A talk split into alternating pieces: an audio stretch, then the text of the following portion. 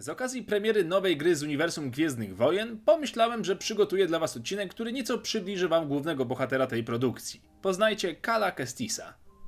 Kal to wrażliwy na moc człowiek i uczeń Jedi w randze Padawana, który jako jeden z niewielu zdołał przetrwać morderczy rozkaz 66 i następującą po nim czystkę Jedi. Niestety ocalenie życia przypłacił stratą swojego mistrza, generała Jarota Pala, zabitego przez służące już nowej władzy klony. Kestis postanowił pozostać w cieniu. Nim jednak doszło do tych tragicznych wydarzeń, Kal odbierał trening na rycerza Jedi pod okiem swojego mistrza.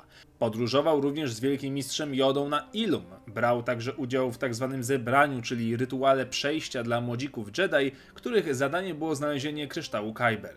Po wielu naukach został w końcu przyjęty na Padawana i rozpoczął trening.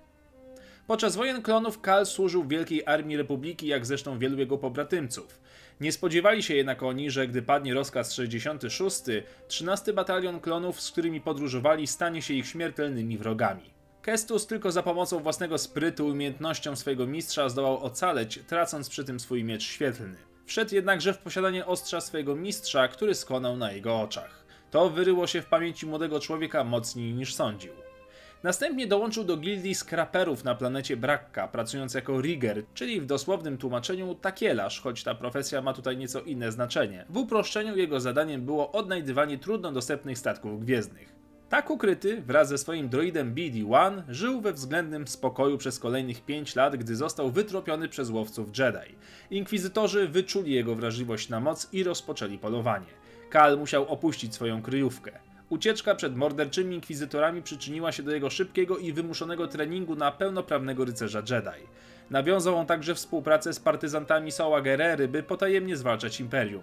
Odnalazł również nowego mentora, niejaką Sirę Yundę, której ambicją było odbudowanie upadłego zakonu Jedi. Podczas poszukiwań holokronu mistrza Jedi Kordowy, Kal udał się do fortecy inkwizytorów, by odebrać artefakt niejakiej Trilli Suduri, zwanej też drugą siostrą. Inkwizytorka po przegranym pojedynku była gotowa odrzucić ciemną stronę mocy i wrócić do światła, na próżno jednak. Lord Vader dopilnował, by jego uczennica poniosła stosowną karę.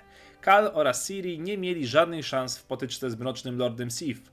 Mimo wszystko udało im się uciec i zostać przy życiu, a to jak wiemy w przypadku spotkań z Vaderem już duże osiągnięcie. Kal podczas walki posługiwał się odtworzonym mieczem swojego mistrza, dzięki czemu mógł korzystać z niego jak z podwójnej lancy lub rozłączyć rękojeść i korzystać z dwóch mieczy. Formy, którymi się posługiwał to forma pierwsza, trzecia, czwarta, piąta oraz szósta. Posiadał też bardzo rzadką umiejętność zwaną psychometrią mocy, dzięki której mógł przywoływać w pamięci znamienne wydarzenia z przeszłości, które zostawiły ślad w mocy nawet setki lat temu. Postać Kala znamy oczywiście z gry Fallen Order, a w samego bohatera wcielił się aktor Cameron Monaghan, którego kojarzyć możecie ze znamiennej roli w serialu Gotham.